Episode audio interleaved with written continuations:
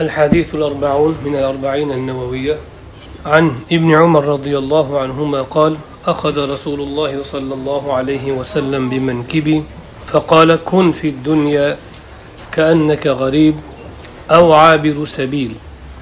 وكان ابن عمر رضي الله عنهما يقول إذا أمسيت فلا تنتظر الصباح وإذا أصبحت فلا تنتظر المساء وخذ من صحتك لمرضك ومن حياتك لموتك رواه البخاري ibn umar roziyallohu anhudan rivoyat qilingan hadisi sharifda rasuli akram alayhissalotu vassalom haqlarida u kishi aytadilarki rasululloh sollallohu alayhi vasallam mani yelkamni tutdilar yelkamdan tutib dunyoda musofir kabi bo'lgin yoki yo'lovchi kabi bo'lgin dedilar ibn umar roziyallohu anhu o'zlari aytayotganlarki tong ottirsang kechni kutma kechga kirsang tongni kutma deganlar va sog'ligingga sog'ligingdan bemorligingga nasiba olib qo'y. Hayotingdan o'limingga nasiba olib qo'y deb qo'yarkanlar imom buxoriy rivoyatlari.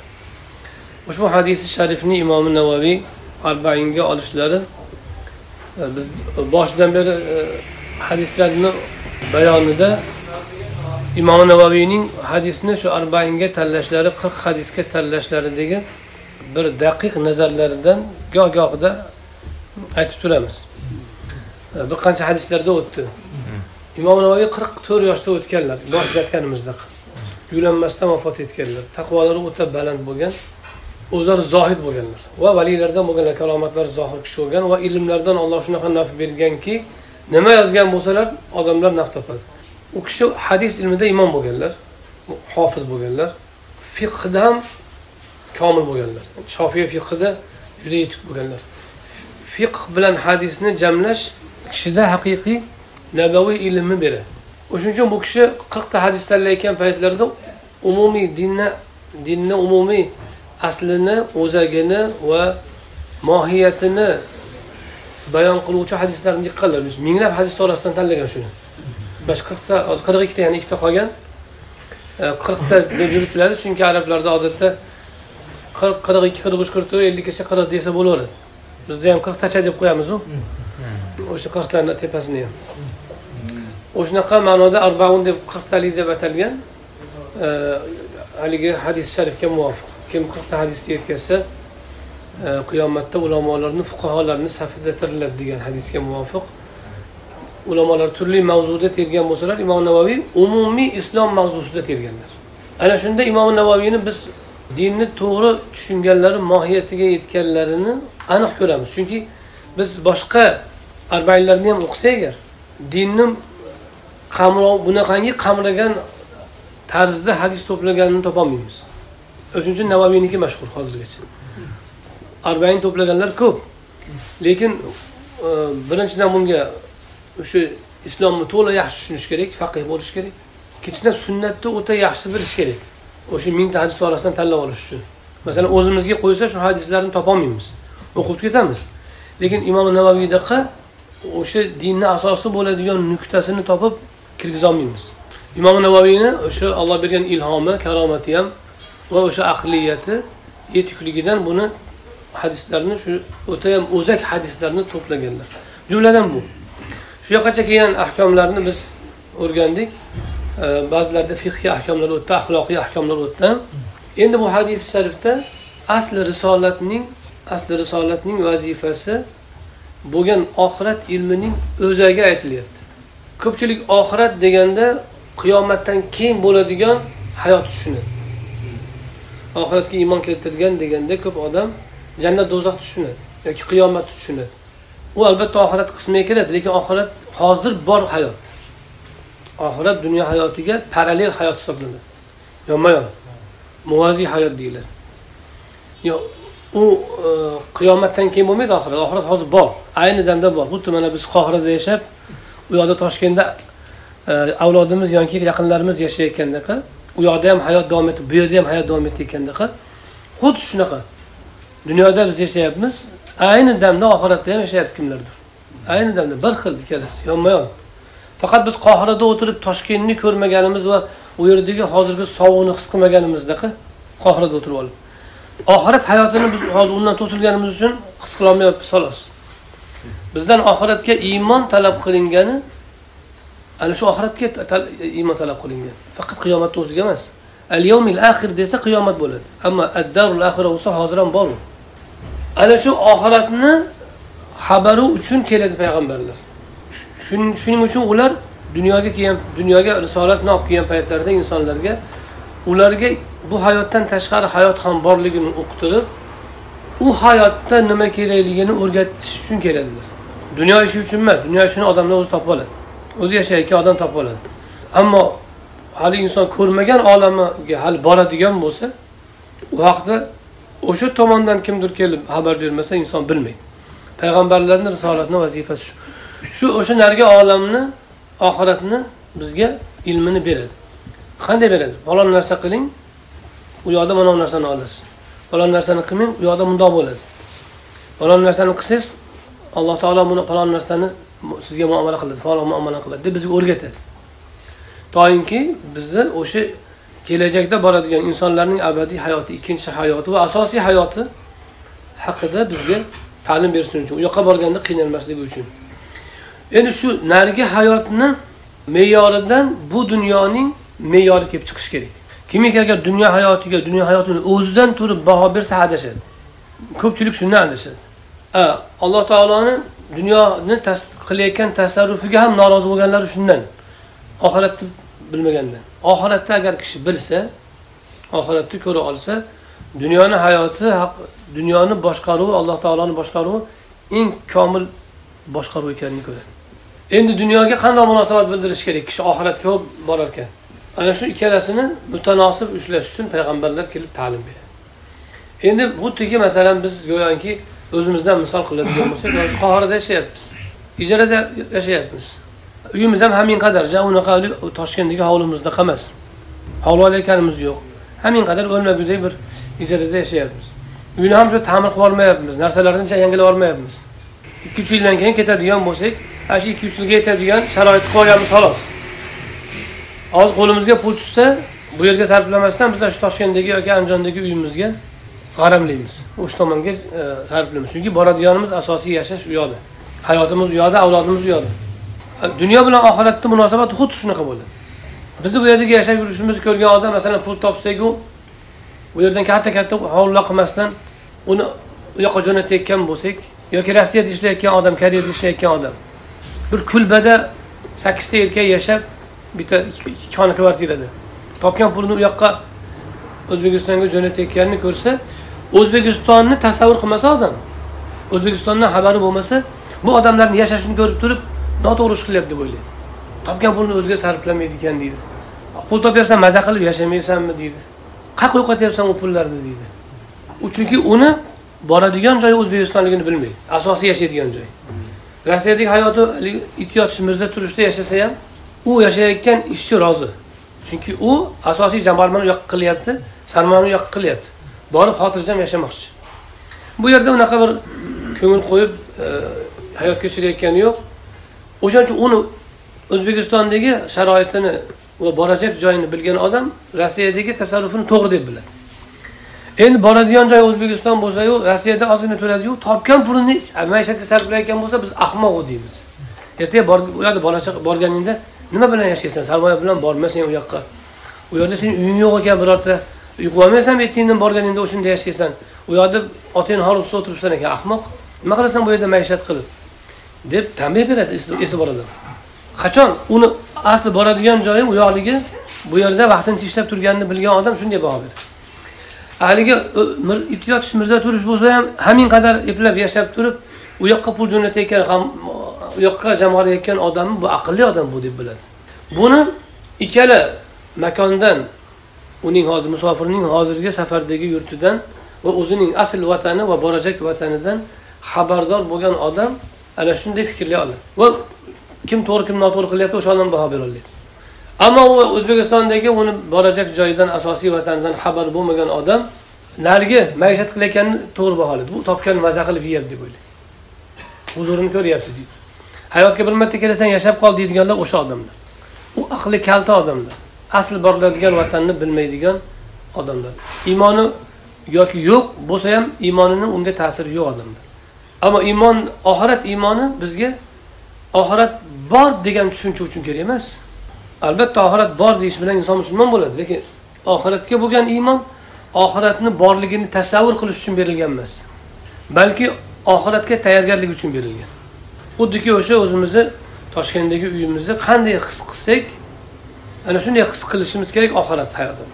Shunda kishi dunyoni bahosini to'g'ri bergan bo'ladi. Va o'zini saodatiga to'g'ri yo'nalish olgan bo'ladi. Payg'ambarlarni hamma payg'ambarlarning risolati mana shu ma'noni anglatishga qaratilgan bo'ladi birodarlar to'g'ri dunyo bor. Mayli bu yerda ham men qadar yashang uy qiling mayli masalan yoki ijarada turgan ishchiga o'xshab musofirga o'xshab. Mayli yashagudek qiling.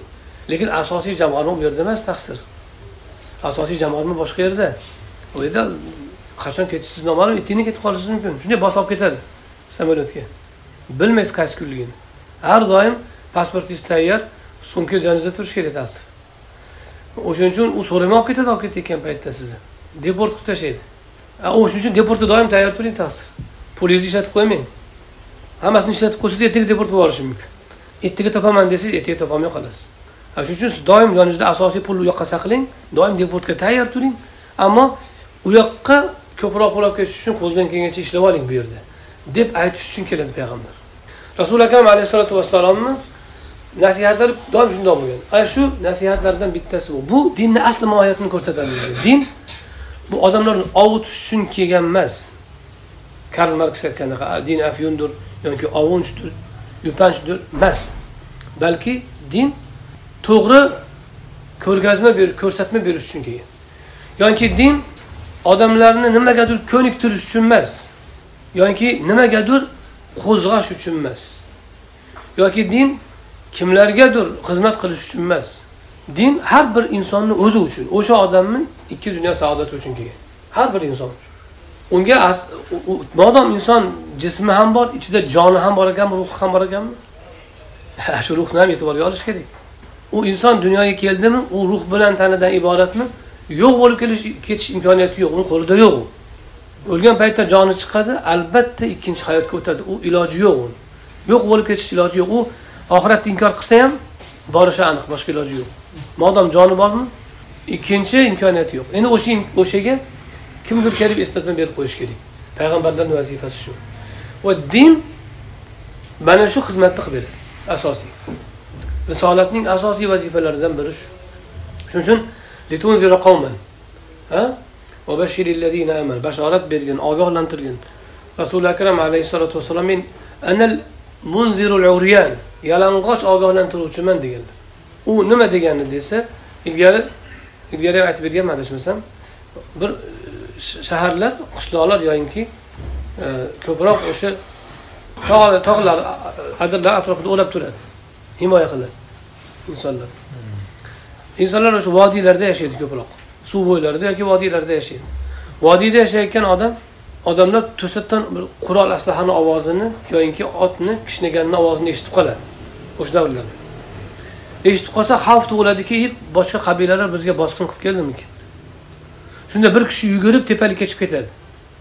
O'sha ovoz kelgan tomonga tog'ni tepasiga yoki adir ustiga chiqadida qaraydi.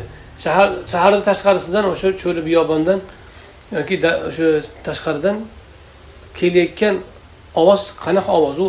Masalan ovchilarni otimikin yo haqiqatda bir dushman bostirib keldimikin agar qarasaki qurol aslahalik qo'shin bo'lsa tezdan shahar aholisini ogohlantirish kerak. Ki urushga hozirlaning. Qurolni oling ayollarni yashiring bolalarni yashiring sahnaga chiqing maydonga chiqing deydi erkaklarga. Va o'sha ogohlantiruvni berish uchun tog'dan qaytib kelib odamlarga baqirib eshittirguncha vaqt ketib qoladi. O'sha adirni tog'ini tepasidan turib o'zini ishora qiladi. Ishorani odatda nima qilishgan ko'ylakni yechib aylantirgan. Ko'ylakni yechib aylantirganda u shahar ahli qarab turibdi unga. Bu demak hozir dushman hujum qilibdi qurol aslahani oling kirishing urushga degan ovoza bo'lgan. O'shanda ko'ylagini yechgandan keyin yalang'och qoladiyu o'sha ogohlantiruvchi ya'ni kelib turgan ofatdan boshlariga soya solib turgan balodan va o'ta xatarli bir holatdan trevoga beruvchi kishini al munzirul uryan deyishgan. Yalang'och ogohlantiruvchi. Rasuli akram alayhisalotu vassalom men anal anal munzirul uryan deganlar. Men ogohlantiruvchi yalang'och ogohlantiruvchiman men. O'sha tog'ni tepasiga chiqib azobni ko'rib sizlarga kelishi mumkin bo'lgan. Shuni ogohlantirgani kelganman man shunaqangi ruhiyatda turib da'vat qilgan. Mana shu risolatni hammasini vazifasi shu. Insoniyat qiyomatgacha yashasa qiyomatgacha risolatni vazifasi mana shu ruhda bo'lishi kerak. Boshqa ruhda emas. Mana shu e, ruhning asosiy beradigan narsasi dunyoga va oxiratga munosabatni to'g'ri shakllantirish. Shunda oxiratga iymon keltiradilar. Ular degandagi iymon va yaqin aks etadi.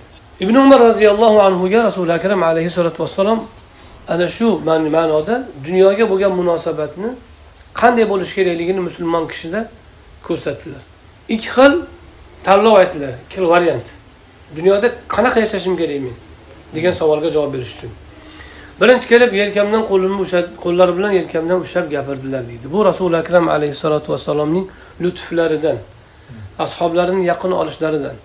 Biz bu yerdan yana o'zimizga bir foyda olamizki ustoz shogirdi bilan yaqin bo'lishi kerak. O'sha tanani tanaga tegishida qalbni bir biriga bog'lanishi bor. Shuning uchun saflarni jips qilinglar deganlar. Saf jips bo'lganda namozda. Tanalar bir biriga tegsa ko'ngillarda bir biriga nisbatan turgan pardalar yechiladi. O'shaning uchun oralar har ixtilof bo'lmasin safda har xil turmanglar qalbinglar har xil bo'lib qoladi. Safda har xil turmanglar qalbinglar har xil bo'lib qoladi.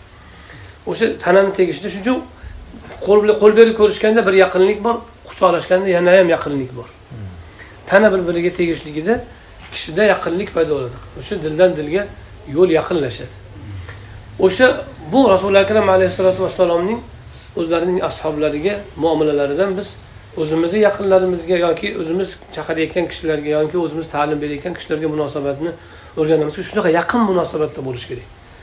Faqat minbardan gapirmaslik kerak. O'sha yaqin munosabatda bo'lishi kerak. Keyin ustoz bilan shogirdni o'rtasidagi munosabat ham shunday. Ya'ni bizda ba'zida aytiladi ustozdan shogird ilgari kitoblarda bor hozir hozir ham mana shu gaplar. Bir komon narida o'tirsin deydi. Bir komon narida o'tirsa odam bo'yi degani. Bir komon narida o'tirsin yaqin o'tirmasin bu odob yuzasidan aytiladi.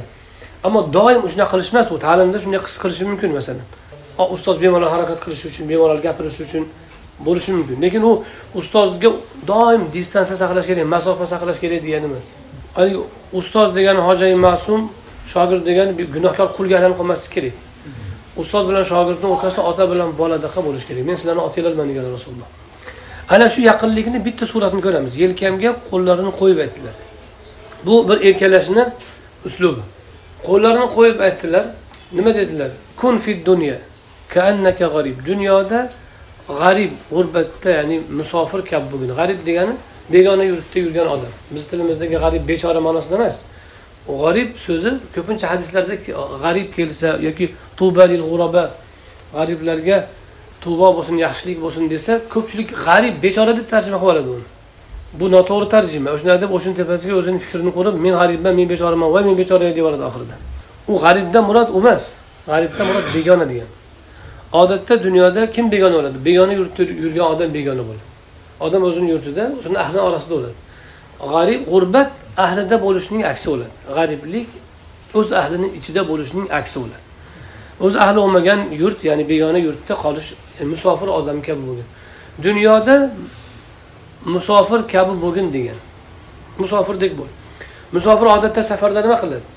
Safarda ko'zlangan bir maqsadi bo'ladi. Tijoratmi mehnatmi biz aytgandaqa yoyinki boshqa ishi bo'ladi. Safarni maqsadiga sarflaydi safardagi vaqtini ish bitish bilan uyga qaytadi ahliga qaytadi. Dunyodagi yurishing shu musofirni yurishidaqa bo'lsin musofir g'urbatda begona yurtda qanday yursa o'shanday yurdi. Mana hozir yuqorida aytganimizdek musofirlikda yashayotganda qanday yashayapti odam? O'zini ahliga qalbi bog'langan u yoqqa va doim ketishga tayyor va bor ish harakati sarf xarajati o'zini borar joyiga o'zini yurtiga. Mana shu dunyo bilan oxiratni o'rtasidagi munosabat shunday bo'lsin deyaptilar. Dunyoda musofir kabi bo'ling. Bu birinchi tanlov birinchi variant. Ikkinchi surat av abiru sabil yoki yo'lovchi kabi yo'ldan o'tib ketayotgandaqa bo'lgan. Undan ham yengil. Musofir bir qadar yashaydi. G'arib begona yurtda har qalay qo'nadi har qalay ijaraga yuboradi har qalay yashaydi. Yo'lovchi ijaraga ham yolmaydi yo'lovchi u musofirchalik ham turgan joyiga mehr bermaydi. E'tibor qilmaydi.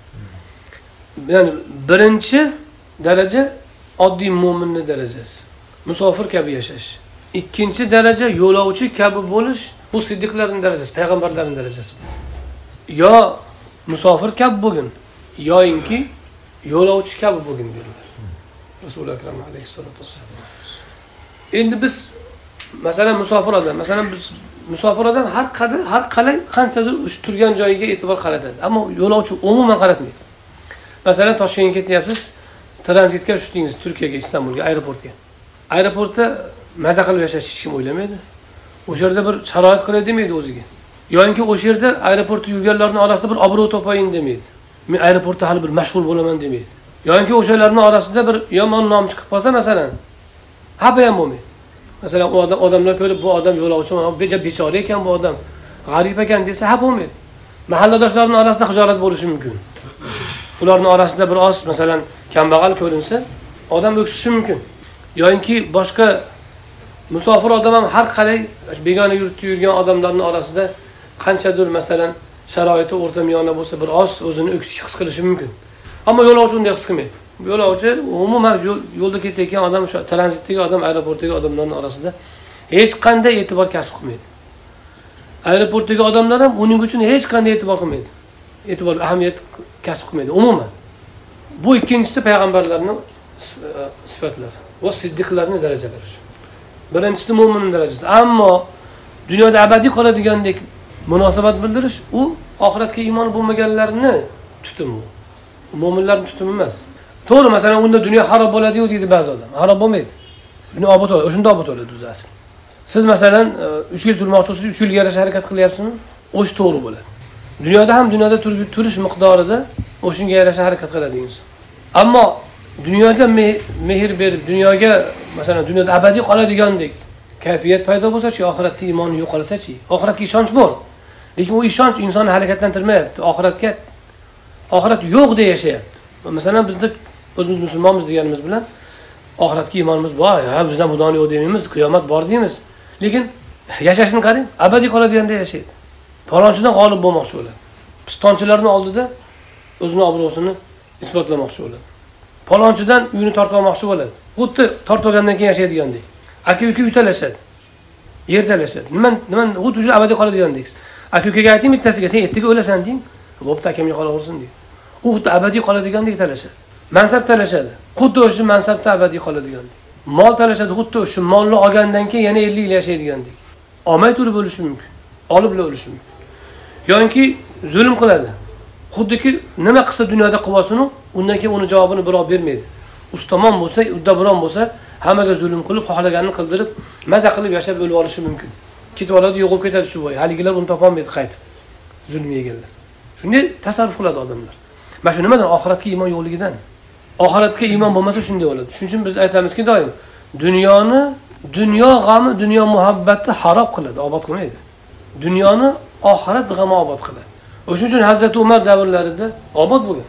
Va boshqa e, halifa roshidlarni davrlarida umar ibn abdulaziz davrida zakot oladigan odam qolmagan. Shunaqa farovon hayotga erishilgan. U sharoit hozir dunyodagi eng rivojlangan davlatda ham yo'q. To'g'ri masalan madaniy moddiy taraqqiyot bor. Moshina bo'lishi otni o'rniga tuyani o'rniga bir qavat uyni o'rniga uch qavat bo'lishi bu baxt bermaydi bu. Bu ham yaxshi narsa lekin saodat beradigan narsa emas bu qulaylik beradigan narsa. Uni ham qilishgan. Shaharlar qurishgan kufani basrani vosit va hokazo bir qancha shaharlarni sahobalar yangi shaharga asos solishgan yangi poytaxtlarga asos solishgan nafaqat shahar. Kufani sahobalar qurgan yangi poytaxtlarga yangi davlatlarga yangi sharoitlarga asos solishgan ilmu fanni rivojlantirishgan dunyo hayoti ham obod bo'lgan. Lekin oxirat o'yi bilan obod qilingan. Farq shu yerda. Unda nima yutiladi? Dunyo haqiqiy ma'noda insoniy ma'noda ham farovon bo'ladi obod bo'ladi. Dunyo hayot birinchi jahon urushi ikkinchi jahon urushi hozirgi bo'layotgan urushlar talashishlar yoki masalan kontrabandalar odam savdosi poraxo'rlik korrupsiya hammasi dunyoni muhabbatidan kelib chiqadigan narsalar. Oxiratni g'amida g'amidagi odamlardan birortasidan bu ishlar sodir bo'lmaydi. Siz korrupsiyaga qarshi kurash qo'mitasini tuzishni o'rniga kishilarga oxiratni eslating yetadi. U poraga qarshi kurashish falon narsaga qarshi kurashish aroqqa qarshi kurashish spitga qarshi kurashish jamiyatlarini o'zi dunyodan boshqa narsani ko'rmaydigan bo'lsa natija bermaydi. Ma'lum muddatdan keyin o'zi ham ichkilikka qarshi kurashish va hokazo hammasi buzoqni yugurgan somonxonagacha deydiyu o'shunchaga boradi. Nari borsa ma'lum darajada bir natija beradi. Ammo doimiy natija bermaydi. Ammo kishi oxirat bilan yashasachi oxiratni g'amida u dunyoni ham obod qiladi. U zulm qilmaydi. Oxiratda ham bilan yashaydigan jamiyatni o'ylang. Bir biriga zulm qilmaydi ular. Aka uka bilan mol talashmaydi. Chunki ertaga o'laman deydi abadiy qolaman demaydi. Masalan ishchini ish beruvchi ezg'ilamaydi. Chunki ertaga borgan joyimda javob beraman deydi. Mana bizga mana shu hayotni haqiqiy hayotni taqdim qiladi. Dinga amal shu ruhiyat bilan bo'lmasa samara bermaydi. Dinni konfutsiylik ta'limotiga o'xshatmaslik kerak.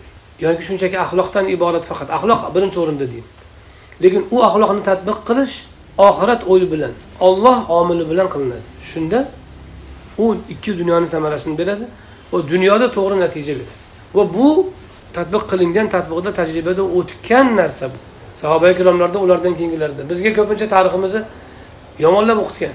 To'g'ri orada zulm qilganlar bo'lgan orada boshqa yomon ish qilganlar bo'lgan hajjojga o'xshaganlar o'tgan.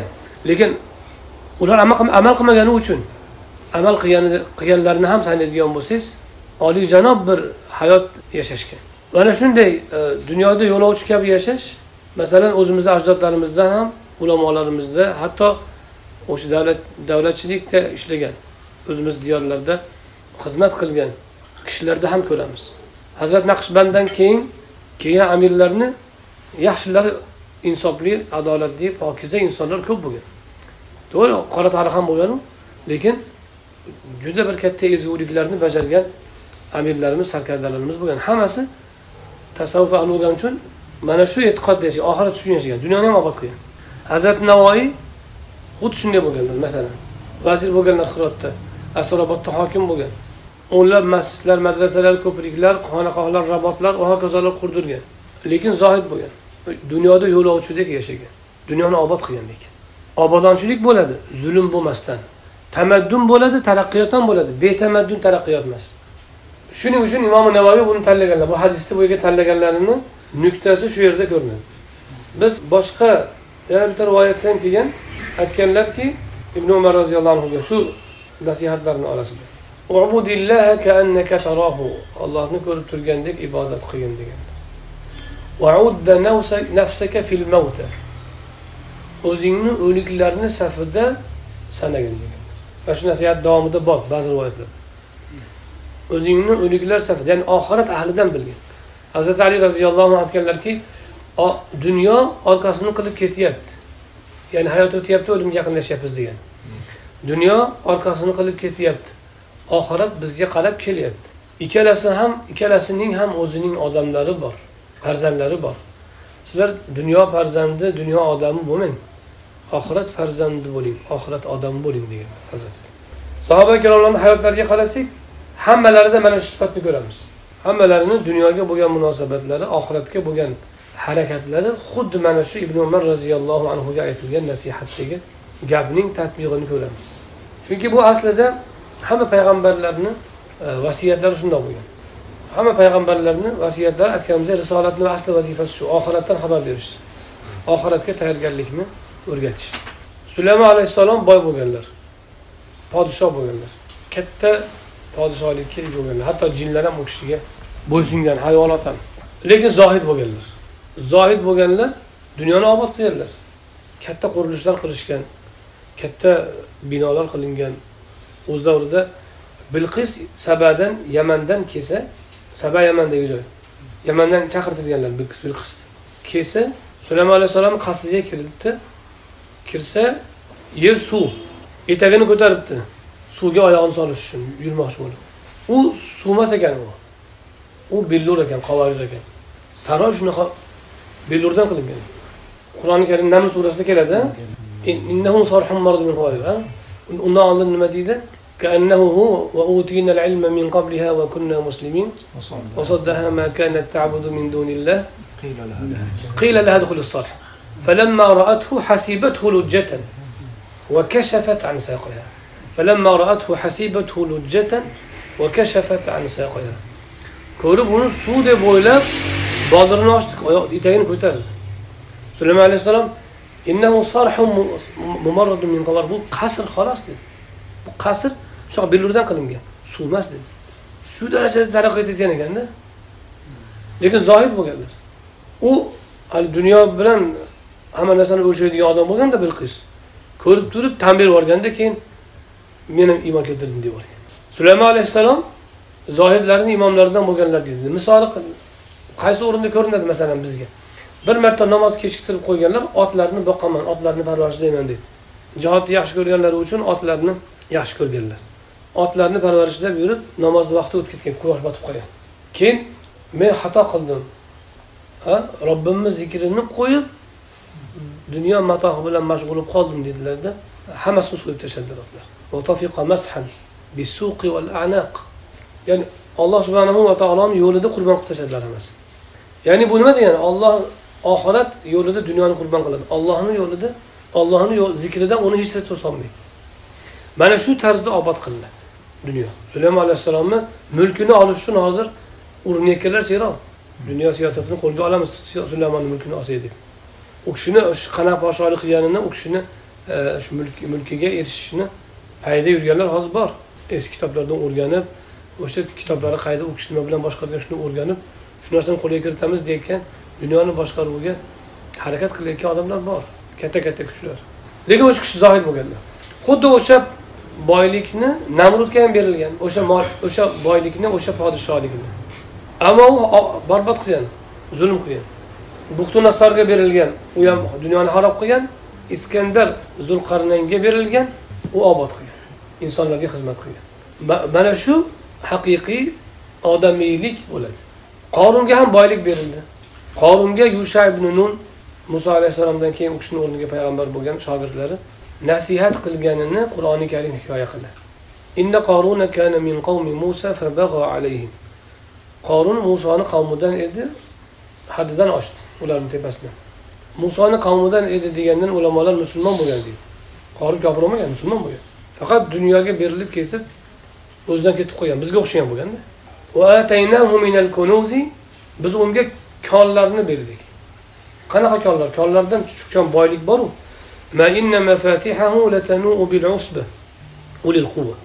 Uni xazinalarini miqdorini o'lchab bo'lmaydi. Xazinalari qo'yilgan joylarning eshiklari bor. O'sha eshiklarning xazinalarining eshiklarining kalitlari bor.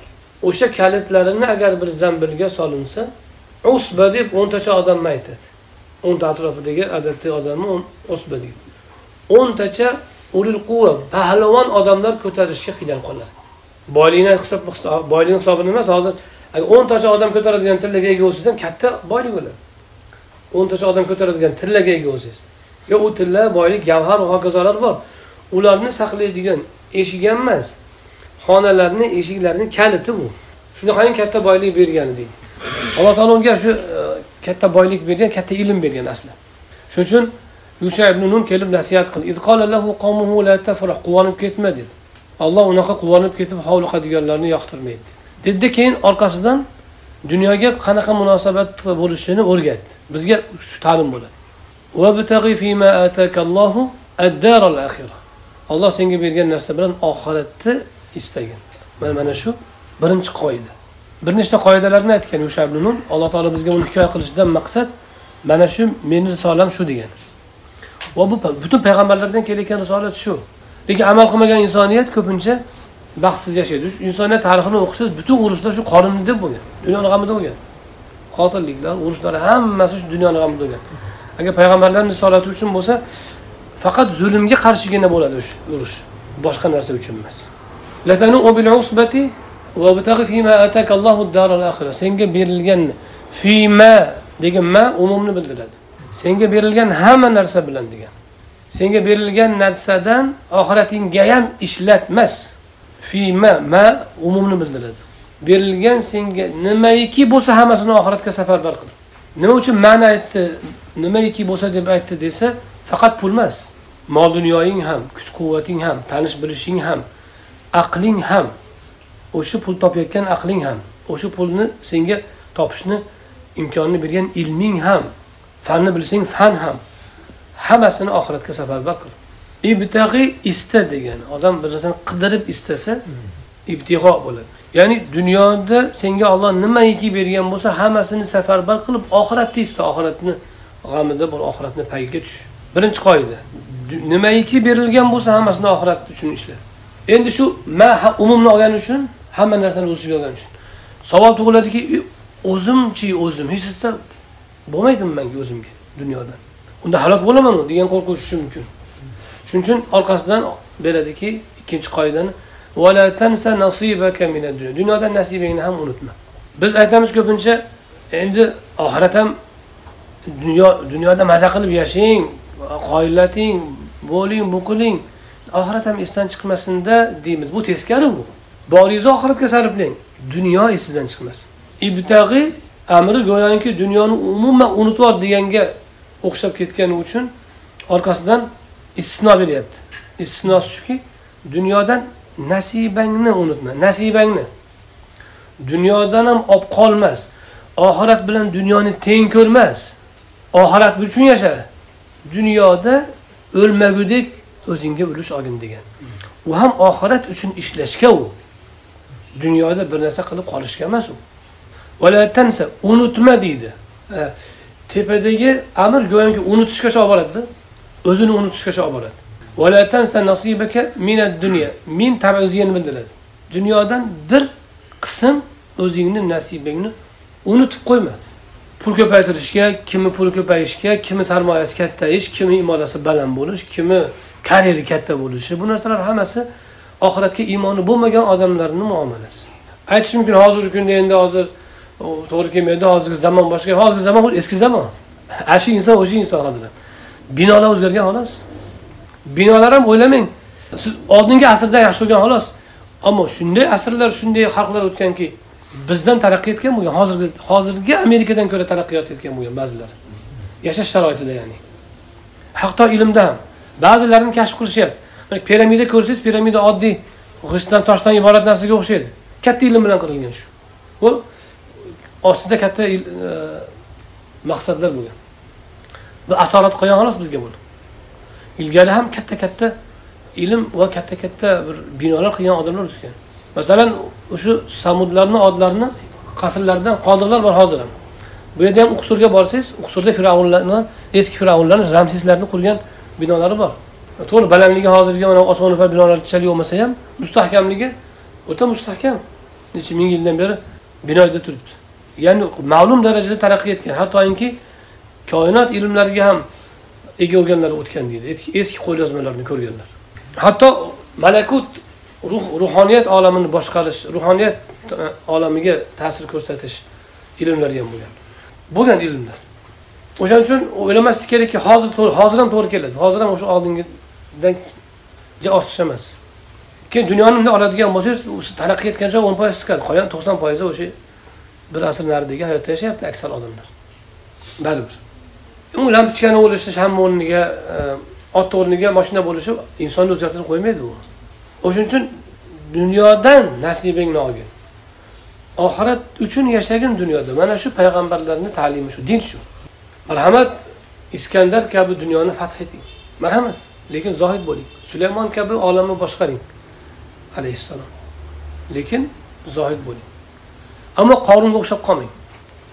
O'shanga qorunga nasihat qilyaptiki oxirat uchun sarfla hammasini dunyoda nasibang unutib qo'yma. Bu xuddi ana shu avabiru sabil yo'lovchi yo'ldagi ozuqasini unutmagani kabi. Endi orqasidan aytadiki uchinchi qoida. Ahsin kama ahsanallohu ilayk. O'zi to'rtinchi qoida desak bo'ladi. Birinchi oyatdagi quvonma degani birinchi qoida. Quvonib hovliqib ketma. Xudo senga boylik bersa mansab bersa shuhrat bersa dunyodan bir ne'mat bersa quvonib hovli qilib ketma olloh bunaqalarni yomon ko'radi birinchi qoida. Ikkinchi qoida berilgan senga berilgan hamma narsani hatto badaningni kuchini ham aqlingni kuchini ham oxiratga safarbar qil.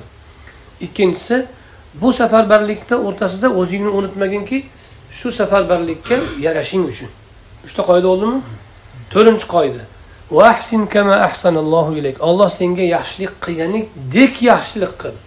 Sen qorinmi qoruna. Ko'p berdimi? Ko'p ber sen ham. Oz bergan oz berayotgan bo'lsa o'shanga qiyos qilma o'zingni misol uchun bir odamda yuz ming dollar puli bor. U odam o'n ming ehson qildi. O'ndan birini berdi. Seniki bir million. Sen yuz ming bersan hech yo'q. O'n ming berayotganga qiyos qilib o'n bir ming berib to'xtama. Misol uchunda endi. Yana kama qanday desa u ma yana umumni o'z ichiga oladi. Kayfni ham kamni ham ya'ni miqdorni ham sifatni ham o'z ichiga oladi. Ma miqdorni ham kayfiyat sifatni ham o'z ichiga oladi. Nima degani? Olloh senga qanday mo'l berayotgan bo'lsa shunday mo'l ber. Ko'p beryaptimi ko'p ber. Qisib o'tirmagin bosib o'tirmagin. Oson beryaptimi oson ber. Boyiganing sari baxil bo'lib borma qizg'anchiq bo'lib qisadigan bo'lib pastkash bo'lib? Puling ko'paygan sari. Oson beryaptimi? Oson hosil bo'lyaptimi oson berib tashlasa sen ham. Ko'p odamlarni ko'rganmiz baxillik qiladi. Lekin bu chuv tushadi bir marta. Ada bada tushadi birov kelib zulm bilan oladi yoki bir narsa urib yo'qoladi yo korxonasiga o't ketadi yo bir balo bo'ladi talofat yeydi. Qisib yurganidan foyda ko'rmaydi. O'shani biz keyin keyin o'sha yechib yubordik falon narsa bilan yechib yubordim shunaqa ish bo'lib qoluvdi. Falon pul sarfladim falonchiga muncha berdim. Shu bilan hal qilib yubordim deb yuradi. O'zi foyda ko'rmaydi. Havoga uchiradi oxiratiga ham yetmaydi. Dunyosiga ham foyda bo'lmaydi.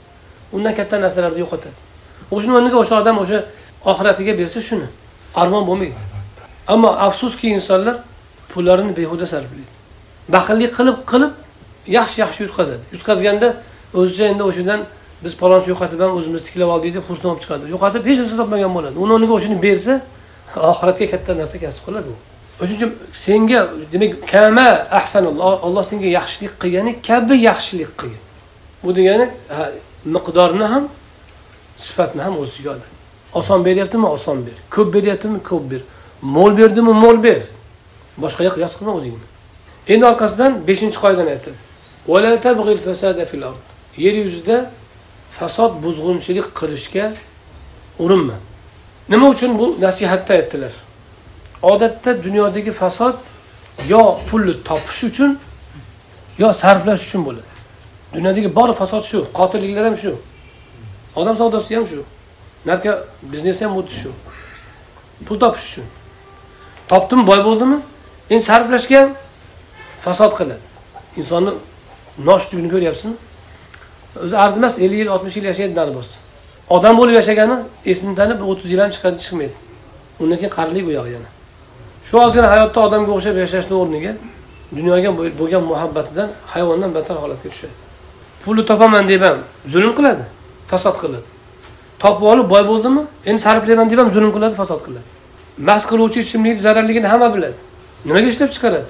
Pul topish uchun. Topish uchun butun insoniyatga zarar keltiradi. Sog'ligigayu jamiyatni axloqiga hamma narsasiga. Pul topish uchun xolos. O'sha bug'doyni insonlarni foydasiga yemakka sarflasa bo'ladi nonga. Endi topdimi? Topgandan keyin poraxo'rlikni kim qiladi? Poraxo'r pora olayotgan topish uchun fasod qilayotgan. Pora berishni kim beradi? Puli bor beradi. Demak pul sarflash ham fasodga olib keladi vaqti kelsa. Puli yo'q pora berolmagani uchun fasodga qo'shilmaydi. Puli bor pora beradi fasodga qo'shiladi. Pul sarflayman deb fasod qiladi maishat qiladi aysh ishrat qiladi buzuqlik qiladi hammasi pul borligidan qiladi. Va boy bo'lgandan keyin tug'yonga ketib inson zulmga boradi tajovuzga boradi. Demak pulni kirishi ham fasodga sabab bo'ladi chiqishi ham fasodga sabab bo'ladi. Odatda agar u oxirat mezoni bilan sarflanmasa ikki ming o'ninchi yili ikki ming o'ninchi yilgi hisobot bo'yicha dunyoni yarim boyligi uch yuz oltmish oltitamikin oltmishtamikin odamni qo'lida deb yozilgan. Iqtisodchilarni hisoboti bu. Dunyoni yarim boyligi o'zi o'ylang yetti milliard palon odammi uch yuz oltmish oltitasini qo'lida dunyoni yarim boyligi qolgan hammasi qolgan yarim bilan ta'minlanib yotibdi ikki ming o'n oltinchi yilga kelib shu oltmish oltita odamga tushdida qolgan hamma o'shalarga ishlayapti keyin. Hamma fasod shundan chiqadi. Dunyoni topaman deb chiqadi. Mana shu risolatni samoviy risolatni unutganidan insoniyat zulmda yashayapti. Qayerda bo'lsa agar. Innalloha la yuhibbul mufsidin. Fasod o'zi nima? Olloh fasod qiluvchilarni yomon ko'radi. Fasod o'zi nima? Fasod salohni aksi. Ifsod fasod keltirish islohotning aksi. Isloh nima? Biz islohot qilamiz islohot izchil islohot chuqur islohot deyaveramiz lekin islohot o'zi nima? Saloh o'zi nima? Uni aksi bo'lgan fasod nima? Fasod va saloh naqiz narsalardan ya'ni qarama qarshi qarama qarshi juftliklardan iborat bo'ladi. Fasod va saloh qarama qarshi juftlikdir. Biri kelsa ikkinchisi ketadi ikkinchisi kelsa biri ketadi. Hech qachon ikkovisi ketib o'rniga uchinchi narsa kelmaydi. Unisi ketdimi albatta bunisi keladi. Bunisi ketdimi albatta unisi keladi. Unisini yo'qotish uchun albatta bunisi bo'lishi kerak bunisini yo'qotish uchun unisi sodir bo'lishi kerak. Albatta. Endi shu fasod nima deganimiz saloh nima degani har bir narsa dunyoda mavjud ekan mavjud qilinishidan vujudga kelishidan ko'zlangan maqsadi va ko'rsatadigan vazifa xizmati bo'ladi. Masalan piyolani mana qubbayani masalan chashkani yasagan suv ichish uchun choy ichish uchun misol uchun. Bismillah. Mana isbot. Qiling yasalgan to'g'rimi? Endi bunda yong'oq qilsa ham bo'ladimi? Bo'ladi. Lekin yong'oq chaqish uchun yasalgan emas bu. Siz bunda yong'oq chaqsangiz fasod bo'ladi. Sinadi. Chunki bu choy ichishga yasalgan bu. Buni choy ichish kerak buni yong'oq chaqmaslik kerak. Yoki miq qoqmaslik kerak. Anhordagi suv nima uchun oqizilgan? Insonlar ichishi uchun va hayvonlar sug'orilishi ekinlar sug'orilishi uchun. Kanalizatsiyani oqizish uchun emas u. Ahlatni yuvish uchun emas u. Maqsadidan boshqa narsaga ishlatilishi har bir narsani fasod bo'ladi. Dunyo oxiratni kasb qilish uchun berilgan. Tanadagi quvvat ham aqldagi quvvat ham pul ham boylik ham mansab ham obro' e'tibor ham hamma hammasi insondagi hamma quvvat bor sochidan tirnog'igacha hammasi oxirat uchun berilgan. Undan boshqa narsaga ishlatsa fasod bo'ladi. Ayol ayollik uchun yaratilgan. Naslni davom ettirishga. O'zini vazifasi bor. Erkak o'zini vazifasi bor. Erkakni ayolni vazifasiga ayolni erkakni vazifasiga olsa fasod bo'ladi. Teng qilaman degan ahmoq va hokazo endi bu kishi fasod qilmagin degan nima degani? Dunyoni topishingdayu sarflashingda oxirat mezoni tursin. Dunyo uchun qilmang oxirat uchun qiling yetti qavat emas yetmish qavat bino quring. Insonlarni manfaati uchun bo'lsin. Orada sizdan foyda qiling mayli. Ishlab chiqarish qiling. Telefonni ishlab chiqaring. Masalan internetni ishlab chiqaring. Hozir shu mezonlar shu ilmlar fanlar yoki o'sha boyliklar qorun kabilarni qo'lida bo'lgani uchun fasod. Oxiratni mezoni bilan ishlatmagani uchun. Internet o'ta yaxshi narsa. Agar unda fasod tarqatilmasa edi ammo afsuski fasodga ishlayapti insonlarni buzilishiga ishlayapti. Chunki qonun sifatlar eng katta savdo internetda asosan kontrabanda bilan bo'ladi va fahsh bilan bo'ladi. Bu oxiratni unutganlik dunyo matolarini oxirat uchun ishlatmagani uchun fasodga uchraganini belgisi shu. Endi qorun nima deb javob berdi? Qorun kibrga ketib qolgan o'zidan ketib qolgan menga bu narsalar berildi. O'zimdagi ilm bilan berildi bu. Demak qorun podshohlik bilan topmagan sanoat bilan topgan. Sanoat bilan topgan pulni ilm bilan topgan yani. Alloh taolo keyin uni o'sha tuyonga ketdi ketgani uchun yer yuttirdi bir kun shuni alloh taolo hikoya qilar ekan. aytadiki يعلم أن الله قد أهلك من قبله من القرون من هو أشد منه قوة وأكثر جمعا qorin bilmaganmidi undan oldingi o'tganlarni orasida undan ham ko'p to'plagan undan ham ko'ra quvvati baland bo'lganlarni biz halok qilganimizni ko'rmadimi u bilmadi u bilmadimi ko'rmaydimi shuni ko'rmadida u jinoyatchilar gunohidan so'rab o'tirilmaydi ya'ni aniq bo'lgan bo'ladi ularni natijasi Ziynati o'zini dabdabasi bilan qavmi oldiga chiqdi bir kun. Qorin chiroyli kiyinish chiroyli dabdabani yaxshi ko'rgan. E, Hayoti dunyoni istaydigan oxiratni unutganlar. Qorunga berilgan narsa bizda ham bo'lsa edi deb orzu qilishdi. Uni nasibasi baland uni judayam buyuk bir omadi chopgan odam bu. قال الذين أوتوا العلم والإيمان أوتوا العلم ويلكم ثواب الله خير ilm berilgan kishilar e holingizga voy bo'lsin allohni savobi yaxshiroq deyishdi qaysi ilm o'sha ilm o'sha oxirat ilmi berilganlar biz yuqorida aytdik dunyoni ilmi oxiratni ilmi ikkalasi berilganlar ular bular olloh nima deyapti faqat dunyoni xohlaydiganlar qorinni havas qildi shuning uchun boyni boyligi uchun havas qilinmaydi agar u yaxshilik qilayotgan bo'lsa qilayotgan yaxshiligi tufayli havas qilinishi mumkin topgan puli bilan emas qurgan binosi bilan emas. Havas qildik bizlar mana shu mashinalarni minishni desa u dunyoparast u. Shu odam mashinasi bilan xizmat qilyapti elga havas qildim desa u oxirat parasi shu savabullohi xoyr deyishdi. Liman am kimga? Iymon keltirganga. Va amila solih. Va solih amal qilganga. Faqat sabrlilar erishadi u narsaga. Keyin alloh taolo yer yuttirdi deydi. Keyin haligi orzumand bo'layotganlar nima deyishdi? Yaxshiyam qoringa qorin degan narsa bizda bo'lmagan ekan. Alloh taolo xohlaganiga xohlagancha berar ekanda endi deyishdi keyin. Orqasidan alloh keyin biz oxiratni dunyoda ustunlik istamaydiganlar uchun qilganmiz deydi mana bu bizga dunyoga bo'lgan munosabatni risolatning munosabatini allohning bizga munosabatini ko'rsatadi. Shuning uchun rasuli akram alayhissalotu vassalom aytganlarki bu dunyo hayotini agar allohni huzurida pashshaning qanoticha qadri bo'lganda bu dunyodan unga kofir bo'layotgan kishiga xudoni inkor qilayotgan odamga bir qurtum suv bermasdi degan. Suv u yoqda tursin boyliklarni berib qo'yyaptimi qadri yo'q. Qadri yo'q bu narsalarni ollohni huzurida chunki boqiy emas o'tkinchi o'tayapti demak zohidlik bu dinning asosi hisoblanadi. U qalbda bo'ladi. Tashqarida boy bo'lishingiz mumkin. Lekin qalbingizda dunyo o'rnamasin ba'zi odam aldaydi sizni. O'zi aldanadi yoki dunyo qalbda bo'lmasligi kerak e, qo'lda bo'lishi kerak deydida lekin munosabati dunyoga dunyoga puxta bo'ladi. Hisob kitobga puxta bo'lish boshqa narsa ammo qisish boshqa narsa. Lozim bo'lgan paytda qisib qolish bu yomon narsa. Shuning uchun baxillik nima saxovat nima desa saxovat oson sarflash baxillik qiynalib sarflash deydi. Sarflayotgan million beryapsiz lekin qiynalib beryapsizmi? Sizda baxillik bor. Dunyoni muhabbati bor hali.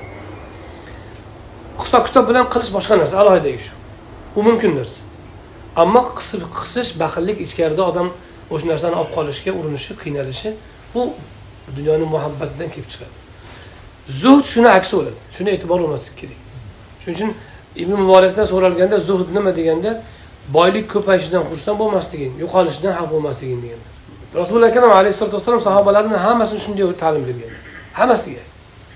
Bittasi ibn umar roziyallohu anhu bitta muoz ibn jabal emas hammasi shunday bo'lgan ashobi ikromlar tarbiya olganlarni hammasi shunday bo'lgan bir marta ko'rishgan odam u darajani olmagan bo'lishi mumkin bir marta ikki marta ko'rishgan ancha muncha eshitgan odam. Lekin o'zlarini ta'limini olganlar hammasi shundoq bo'lgan. Kenglik yaratib bergan bo'lsa ham boshqalarga o'zlari o'sha o'ta dunyodan ko'ngillari uzilgan holatda o'tgan. Nima uchun dunyodan ko'ngil uzishni olloh talab qiladi? Chunki dunyoga ko'ngil bog'lash hamma xatoni boshi shu. Hubbu dunyo kulli xotiya hamma xatoni boshi dunyoni yaxshi ko'rish. Qotillik ham shundan. Yuqorida aytganimiz jinoyatlar hammasi dunyoni muhabbatidan keladi. Insoniyatdagi hamma jinoyat dunyoni muhabbatidan insoniyat insonga o'xshab odamga o'xshab yashash uchun dunyoni muhabbatidan kechib oxiratni yaxshi ko'rish kerak. Endi alloh taolo buni biz tabiatimizga solgan deb oliy imronda aytganki odamlarga bu dunyoda ayollardan bo'lgan bir huzur shahvat bola chaqaga bo'lgan mehr katta pul topish katta ekinzorlar qilish ko'p chorvalar qilish kabi narsalar insonlarga ziynatli qilib muhabbatli qilib qo'yib muhabbat berib qo'yildi. Deydida olloh nima deydi keyin? Al qanotirul muqantara degani hisobsiz degani hisobsiz tilla hisobsiz boylik. Hamma yaxshi ko'radi shuni boyligi hisobsiz bo'lishini yaxshi ko'radi. Bu shunday qilib qo'yildi. Zuyinada ziynatli qilib qo'yildi. Deganda foillatmagan kim qildi degan savolga javob yo'q. Ulamolar ikki xil tafsir qilishgan. Olloh o'zi ziynatli qilib qo'ydi tabiatga shuni solib ikkinchisi shayton ziynatli qildi deyishgan. Bu hayoti dunyoni matohi bu xolos. Mata degani foydalanadigan narsa. Vallohu indahu asli yaxshi oqibat asosiy boriladigan joy ollohni huzurida. Deb turib keyin ayting ey muhammad alayhissalom bundan yaxshi narsani aytaymi u jannat u deydi keyin orqasidan demak dunyo muhabbati bo'lsin bo'lmasin emas qaysi darajada? Tabiiy darajada hammada bo'ladi. U nima uchun yashashga bo'lgan kurash uchun. Lekin u oxirat muhabbatini oldida yo'q bo'lishi kerak. Oxirat muhabbati undan g'olib bo'lishi kerak. Mana shu matlub narsa talab qilgan. Sahoba ikromlarda tobeinlarda biz hayotlarni shunday ko'ramiz. Nabiy sallallohu alayhi vasallam o'zlari ham shunday bo'lganlar. Aytgan ekanlarki meni menga bu men men nimayu bu dunyo nima menga bu dunyo nima qizig'i bor degan ekanlar. Man bu dunyoda bir daraxtni soyasida bir nafas rostlab o'tib ketadigan odamman deganlar. Ana abiru sabil payg'ambarlarni yo'li. Yo'lovchidek yashash. Yana aytgan ekanlarki man bilan sizlarni misolinglar va dunyo misolini aytayinmi dedilar. Bir qavm bir dashga tushib qolibdi. Bir to'da odamlar dashga tushib qolishdi sahroda. Hech vaqo yo'q. Na suv na o't na bir narsa na olov na o't o'lan. Hech narsa yo'q. Qaqrab halokat ostiga og'ziga borib qolishdi. Shu paytda bir odam sochlaridan suvlari tomib oqib turgan holatda yashnagan bir odam oldidan chiqib qoldi. Chiqib qoldi ular aytishdi ularga aytdiki men sizlarga suv bor joyni bilaman aytayinmi? dedi. Suv bor bog' bor. Ha aytgin aytgan joyimga borasizlar boramiz. Aytganimni qilasizlarmi qilamiz nima deysiz? Keyin olib bordi haligi joyga? Olib bordi ular o'shadan suvni ichishdi o'shadagi bog'roqlarni sayr qilishib mevalarini yeb huzur olib yashnab maza qilib qolishdi. E, endi shunday bo'lib turishganida to'satdan aytdiki boshqa joyga o'tamiz deb qoldi.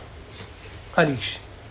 Ular aytishdiki e, maza qilyapmiz shu yerda ham deyishdi haligilar. E, shu yerda ham zo'rku u aytdiki yo'q bu suvdan bu bog'dan bu joydan ko'ra e, chandon yaxshi joy bor.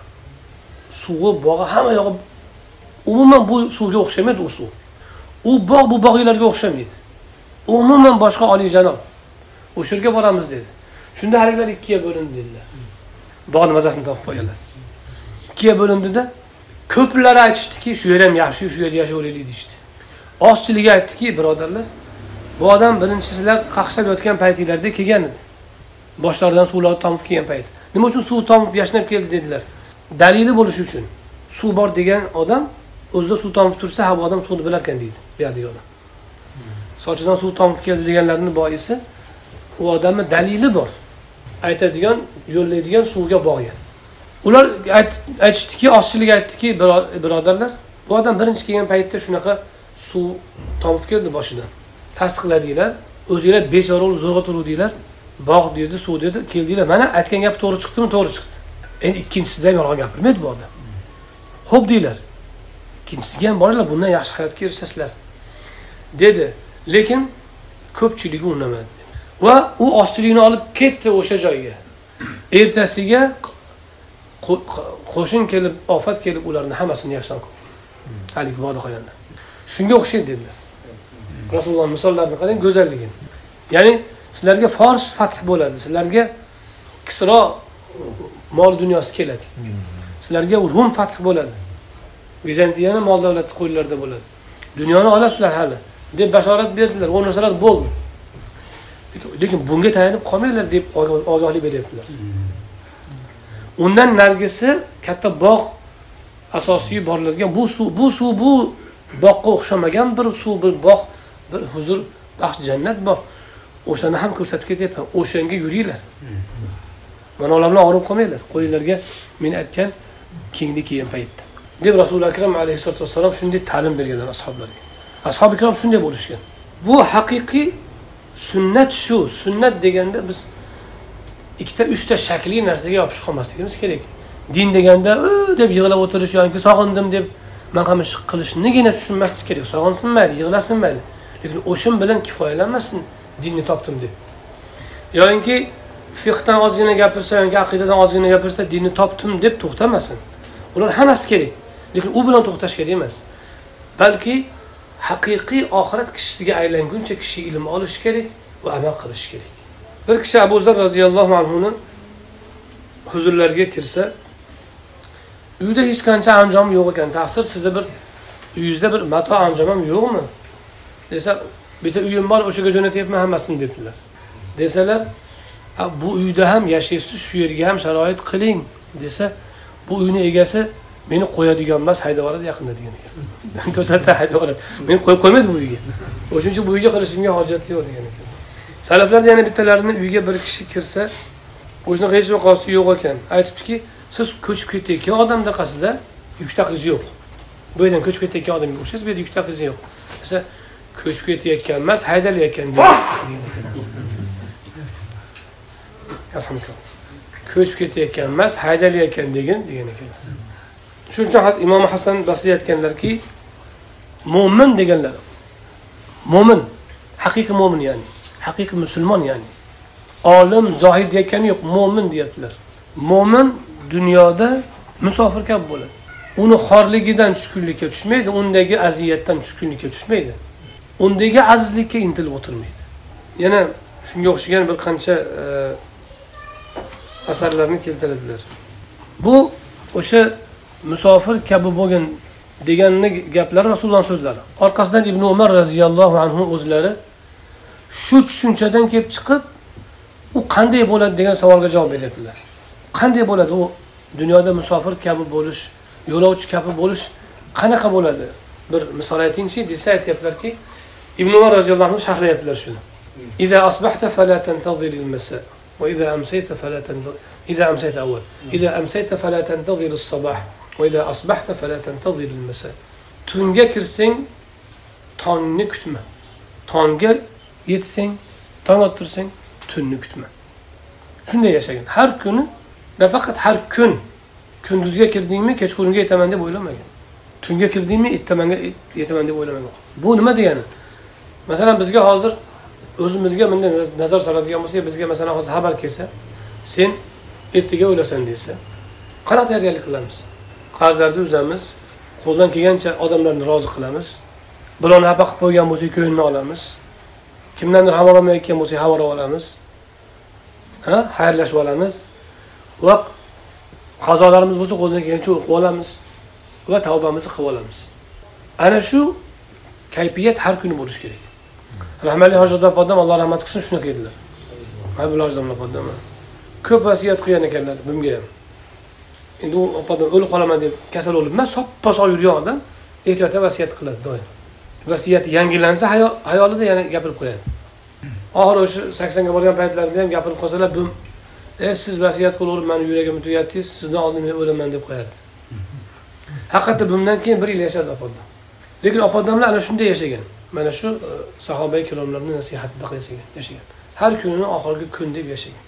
Muhammad ibn vosi har kuni uyga kirganlarida yotoqqa yotayotganlarida ahllariga qarab astag'firulloh allohga omonatsizlar balki ertaga men uyg'onmasman deb aytganlar har kuni.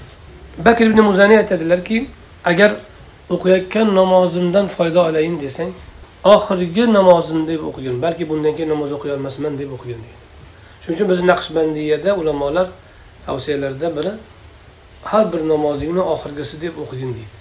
Chunki masalan hozir oxirgi namozim degan narsani o'zimizga tasavvurimizga keltirsak farazan ayting abdulloh qodiriy olib chiqildi beshinchi to'rtinchi oktyabr kuni otuvga devorni tirqichidan tomosha qilib ko'rgan odam hikoya qilib beradi. Soldatdan iltimos qildi torat qilib namoz o'qib olayin deb. Ruxsat berdi obdastida torat oldida keyin egnidagi kostyumni jiketim bor ekan yechib turib solib ikki rakat namoz o'qidi keyin baq etgan o'qni ovozi eshitildi hubayb roziyallohu anhudan sunnat bo'lgan sunnat bu ikki rakat namoz. Shu abdulla qodirni holatini o'zimizga soladigan bo'lsak o'sha ikki rakat qanaqa o'qigan ekan endi abdulla qodiriy so'rachi har bir namoz shunday bo'lishi kerak degan ma'ruf kahriy bir kuni iqoma aytibdilar.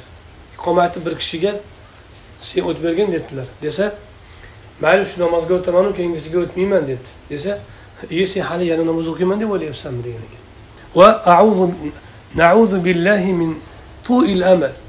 Uzun orzudan Alloh saqlasin. Chunki u yaxshi amalni to'xtatib qo'yadi. Biz ko'pincha tavbani kechiktirishimiz orzuyimiz uzunligidan. Hali xudo xohlasa bir ikki yil yashaymiz yo o'n yil yashaymiz. Hali xudo xohlasa yaxshilik qilib olamiz deymiz e, unga ishonch yo'q. Hozir o'lishimiz mumkin. Ancha muncha gunohdan to'xtolmaymiz men ham bir kun xudo inson berib qolar deb o'zimizni ovutamiz. Hozir gunoh tepasida o'lishimiz mumkin. Mana shu hadisi sharifdagi ruhiyatni ya'ni o'sha oxirgi kun deb yashashni yo'qotganimiz uchun biz tavbamiz kechikadi yoki gunoh qilishga jur'atimiz yetadi. Biz ko'pincha eshitamiz e, domlalardan ham ne'matani mag'bunun fihima kathirun minan nas. Ikkita ne'mat bor ko'pchilik unda aldanadi. Asihatu val farogh bo'sh vaqt va sog'lik. Sog'lik va bo'sh vaqt deganlar. Ko'pincha buni sog'likka shukur qiling. Tinchlikka shukur qiling deb aytadi. Tinchlik yo'q bu yerda. Bu yerda forig'lik bo'shlik bor. Tinchlik emas. To'g'ri tinchlik katta ne'mat. Lekin hadis uni aytayotgani yo'q. Tinchlik katta ne'mat gap yo'q unda. Lekin hadisni noto'g'ri tarjima qilmaslik kerak. Ne'matani mag'bunun fihima kathiru minan nas. Ikkita ne'mat bor. Odamlar ko'p unda aldanadi. Sog'lik va bo'shlik deganlar. Forig'lik tashvish yo'qligi ish kamligi va hokazolar bu sog'likni va shukriga shukronasini qiling tinchlikni shukronasini qiling deb aytiladi to'g'ri shukronasini qilish kerak. U degani alhamdulillah men soppa sog'man oh oh oh oshdan oling deyish uchun emas u. Ko'pchilik bu sog'lik o'zini sog'ligi bilan aldanib qoladi. Ko'pchilik o'zining bo'sh vaqtini noto'g'ri sarflab aldanib qoladi. Xususan yoshlikni. O'shaning uchun umar roziyallohu anhu aytibdilarki orqasidan sog'lomligingdan bemorligingga nasib olib qo'y. Ya'ni sog'lomligingda bemorligingda qilolmaydigan ishlarni qilib ol hozir. Keyin tahajjud o'qiy olmay qolasan. Abu ishoq sabiy aytadilarki qarib qoldim. Qorilar ey musulmonlar qur'onni ko'p o'qing. Tahajjudda ko'p o'qing. Men qarib qolib hozir besh olti pora o'qilyapman xolos deganlar tahajjudga. Oyog'im yaramasdan. Oliy imron baqara sura baqara oli imron nisolarni o'qiyolyapman bir, bir kunga deydi. Biz tilimizda aytganda men qarib qolib besh olti pora o'qiyolyapman xolos. Keyin o'qiyolmay qolasiz ekan. Tahajjudni o'qib oling ibodatni qilib oling g'animat biling sog'ligini men oyog'im og'rib hozir sog'ligim ketib qarib qolib besh olti pora o'qiyapman xolos degan tahajjudga. Sog'likni g'animat biling degani shu bo'ladi. U alhamdulillah soppa sog'miz qani bir olaylik degani emas u. Sog'lik uchun ko'taring degani emas. Tinchlikni ne'mat sifatida albatta qaraladi. Uni shukronasi ham tinchmiz deb qo'rqoq bo'lib yashash emas balki tinchlikdan unumli foydalanish. Tinchlik sizga ibodatga imkon beradi. Kasb olishga imkon beradi. Kasb qilishga imkon beradi. Tirikchilik qilishga imkon beradi. To'g'rimi? Yurtni obod qilishga imkon beradi. Insonlarga xizmat qilishga imkon beradi. Shunaqa qilish kerak. Tinchlikni shukronasi shunaqasiga bo'ladi. Urush bo'layotgan joylarda birov bilan birov xabarini olayotgani yo'q hech kim. Yaqinlaridan xabar oling. Tinchlikni shukronasi bo'ladi o'sha ertaga ko'rasiz mana boshqa xalqlarda tinchlik bo'lmayotgan xalqlarda yaqinlarini oldiga borolmayapti. Tinchlik bo'lmagani uchun. Tinchlikmi? Yaqinlaringizdan xabar oling. Shuranasini qiling shuranasi shunday bajarilishi kerak. Sog'likniki ham xuddi shunaqa jim o'tirish emas u. Balki u o'sha sog'likda bemorlikda qilib bo'lmaydigan ishlarni qilib olish.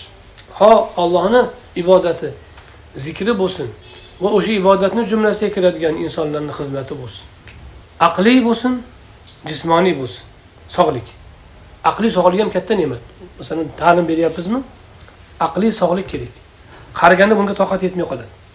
Endi kimiki sog'lik paytida agar ibodati mukammal bo'lsa masalan o'sha abu ishoq sabiyga o'xshagan bemorlik tufayli unga agar ibodatiga nuqson yetsa alloh taolo farishtalarga aytarkanki falon bandam qanaqa amal qilyapti? Oldingidek emas nima uchun qilolmayapti? Sog'ligi yo'q.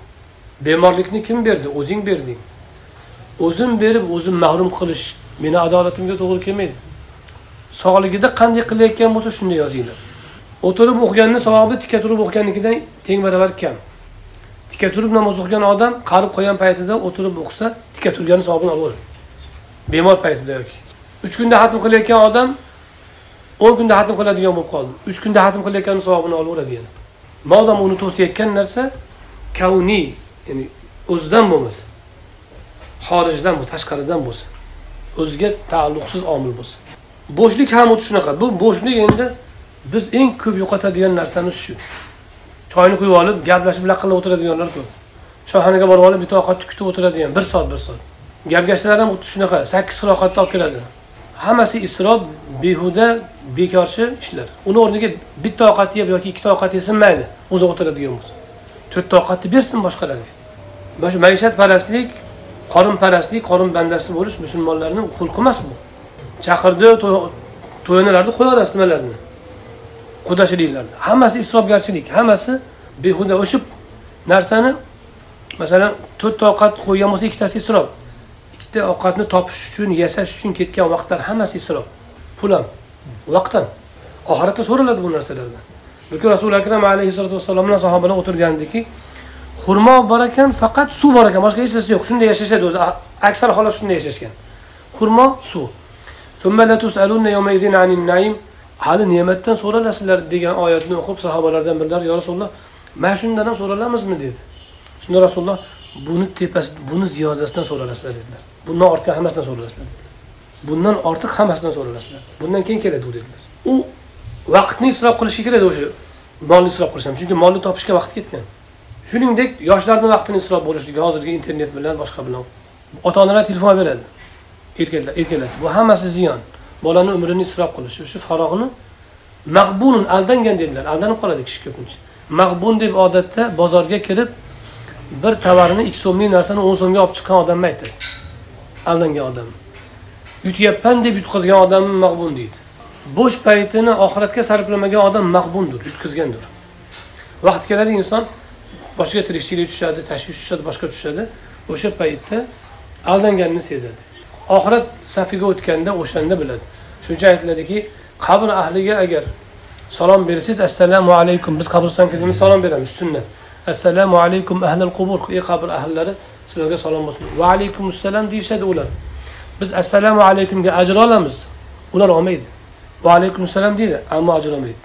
orzu qilishar ekanki shu alaykum assalomga ajr deydi orzu qilishar ekan bizga hozir birov salom bersa haligi yo'limizdan kelmay qolishi mumkin vaqti kelsa e'tibor qilmasdan u oxiratga o'tgan kishi va alaykum assalomni savobiga zo'r qolar ekanda mana shu bizga haqiqiy islomiy dunyo qarashini beradi. Pul toping mazani qiling va hokazo qiling boy bo'ling u bu bo'ling haloldan bo'lsin. Deydi to'g'ri u ham bir, bir nav to'g'ri haloldan bo'lish degan joy to'g'ri.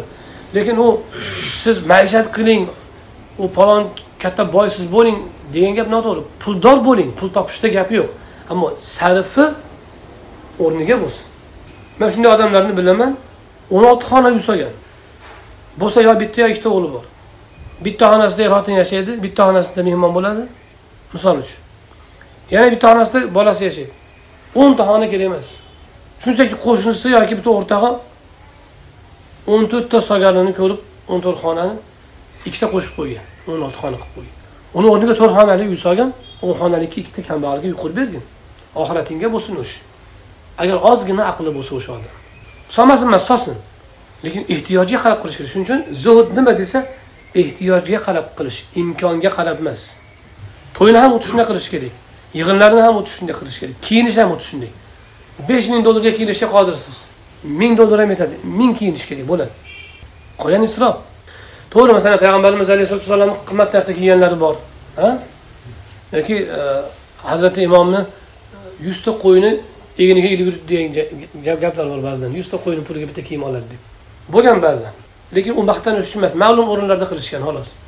Payg'ambarimiz alayhissalotu vassalomga asosan hadya olib kelgan hadya olib kelgan chunki qimmatni ham kiyaverganlar arzonni ham kiyaverganlar lungida ham yuraverganlar zarbofda ham yuraverganlar. Farq qo'ygan emas uni ham uni ham ahamiyati qo'ygan emas lekin odatda qimmat kiyimlar ko'pincha hadya olib tashqaridan kelgan. Lekin hammasini berib yuborganlar kiyganlar qolgan emas o'zlarida berib yuborganlar ma'lum vaqt kiyganlar xolos. Bir kun ikki kun qanchadir kiyib beraverganlar hammasi. Egnilarida oddiy uydagi kiyim bilan qolganlar o'shin bilan kafanlanganlar o'zini o'zi aldaydi ba'zi odam. O'zini ilmni ko'rsatadi yoki odamlar ilmli deb o'ylaydigan odamlar dunyo parastligini olloh ne'matini izhor qilish qilib ko'rsatadi. Olloh ne'matini izhor qilish kerak to'g'ri. Lekin hamma narsada chegara bo'lishi kerak. Va shunday me'yor qo'yiladi. Qanday me'yor qo'yiladi? Masalan man o'shanaqa deylik e, yigirma ming dollarga kostyum olib kiyishga qodirman. Mumkin halol joiz. Lekin shariat qanday qaraydi? Aytadiki atrofingga qara deydi. Sen shu kiyiming yigirma mingga o'n mingga mingga kiyinsang bo'ladimi? Bo'ladi. Endi qara o'n to'qqiz mingga atrofingda zor odamlar bormi yo'qmi? Yo'q bo'lsa kuyov. Muhtojlar bo'lmasa kuyov. Mayli. Lekin muhtojlar bo'lsa unda ber ularga. O'zing o'zingga yarashasini kiy. To'y ham xuddi shunaqa. Palonchi besh yuz odam aytibdi biz olti yuzta aytmasak bo'lmaydi. Imora ham xuddi shunaqa. Bu hammasi isrofgarchilik va dunyoni oxiratni to'g'ri qadrlamaslik. Shuning uchun aytganlarki abu ibn abdulloh aytganlar ertangi kunini meni umrimdan deb o'ylagan odam o'limga to'g'ri baho bermabdi deganlar. Ertangi kunni o'zining umridan deb bilgan odam o'limga to'g'ri baho bermabdi. O'limni o'z o'rniga qo'ymabdi bahosini. O'shanday ekan biz o'sha nazar bilan qarashimiz kerak. Shu musulmoncha yashash bo'ladi. Shuning hazrati umar roziyallohu anhuga kabaga kaba po'sh o'raylik. Chodir kiydiraylik tepasiga deganda musulmonlarni qorni o'sha pulga muhtojroq degan kaba u. O'zinigini emas. Musulmonlarni qorni kabadan muqaddam qo'yiladi. Mana shu islomiy qarash shu. Bu yerda sog'likni keltirdilar bu bo'shlikni sog'likni keltirdilar keyin hayot va min hayotiga o'limni keltirdilar. Rasuli akram alayhissalotu vassalomdan ibn abbosni rivoyatlarida Э, yana boshqa qo'shimchalari bor. Mashhur hamma eshitgan beshta narsadan oldin beshta narsani g'animat bil uni orasida o'sha bo'sh vaqt ham bor. Qarilikdan oldin yoshlikni degan joyi ham bor. Hammasi bitta ma'noni bildiradi. Ertaga vafot etadiganda yashash mana shu dunyoni obod qiladigan narsa shu. Dunyodan zulmni yo'qotadigan dunyoqarash shu. Haqiqiy insoniy odamiy dunyoqarash shu. Va ikki dunyo saodatini baxsh etuvchi shu. Shuning uchun alloma muttaqiy aytganlarki kishi agar bir murshid bo'lmasa uni tarbiya qiladigan. Qanday tarbiya topsin? Desa aytganlarki bir tabibga borsang qornim og'riyapti desang bitta dori beradi. Ichagim yaxshi ishlamayapti desang yana bitta dori beradi. Jigarim tiqilib qolibdi desang yana bitta uchinchi dorini beradi. O'tim tiqilib qolibdi desang to'rtinchi dorini beradi. Davlenam bor desang beshinchi dorini beradi belim og'riyapti desang oltinchi dorini beradi lekin bir tabibga borsang yana boshqa bir tabibga u o'ta mohir bo'ladi. Unga sen qornim og'riyapti ichagim yaxshi emas jigarim tiqilgan o'tim tiqilgan belim og'riyapti boshim ham vang desang bitta dori beradi o'sha hammasini davolaydi o'shanaqa dorini topib beradi. Misol uchun aytyapmida endi. Insonni tarbiyasiga turli shunaqa davolar kerak. Turli axloqlari turli ayblari turli gunohlarini bartaraf qilishga. Ammo bitta zo'r mavjud zo'r dori bor mavjun kabi. Zo'r dori bor. O'sha dori hammasini davolaydi murshid bo'lmasa o'sha dorini ichish kerak deydi. Nima u desa ixtiyoriy o'lim deydi. Ixtiyoriy o'lim. U nima degani? Tasavvufda fano maqomi deyiladi. Biz kecha qushaylikda o'tdik. Qushaylik darsida. O'shanda fano bilan baqo haqida uzun gapirildi. Kitobdan ham o'qib berildi. O'shani aytadi. Endi fanoga tushishni o'zi murshid kerak asli. Lekin o'shanga yetishni birinchi yo'li o'zingni hazrati ibn umarga aytilgan nasihat. O'zingni o'liklar safiga qo'shgin o'ldim deb bil. Men qabrda turibman deb bilgin. Qabr ahliga nima kerak? O'shani o'zingga kerak qilasan. Qabr ahli nimadan nadomatda? O'shanga qo'l urmaysan. Qabr ahliga obro' kerakmi yo'q. Obro'ga qiziqmaysan. Qabr tagidagi yer tagidagi odamga qabr ahliga. Birovdan o'ch olishga qiziqish bormi? Yo'q. Istak bormi? Yo'q. Birovdan o'ch olaman deb urinmaysan. Bu shunday doriki deganlar o'zingni o'lik safiga qo'sha olsang o'zing ixtiyoriy o'limni agar o'zlashtira olsang o'zingda eng yaxshi islohni qilgan bo'lasan. U murshidni yo'q paytida qilinadigan yo'l shu degan. Hozirda mandan juda ko'pchilik so'raydi. Murshidni qayerdan topaylik? Murshid bormi? O'ziz qo'l olasizmi deydi yo men qo'l olmayman deyman. U qo'l qo'l berganlar ham qo'l olganlar ham agar shu ixtiyoriy o'limni agar o'zlashtirmasa u berganni ham olganni ham samarasi yo'q. Qo'l berish qo'l olishdagi asosiy maqsad shu o'zi oxirat kishisiga aylanish. Shunchaki aytamanda to'rt yuzta zikr aytib qo'yib tasbihni o'girib qo'yib yurish emas u. Yoinki salla chopon kiyish emas u. yoki raqsga tushish emas u. Zikr deb asli inobatdan maqsad shu. Oxirat kishisiga aylanish. Allohning haqiqiy bandasiga aylanish xalifasiga aylanish. Hazrat navoiy Lisonut-tayrni shu maqsadda yozganlar. Demak bizni bu hadis nimaga dalolat qiladi? Dunyoda musofir kabi bo'lgin yoki yo'lovchi kabi ikkinchisi oliyroq maqomda.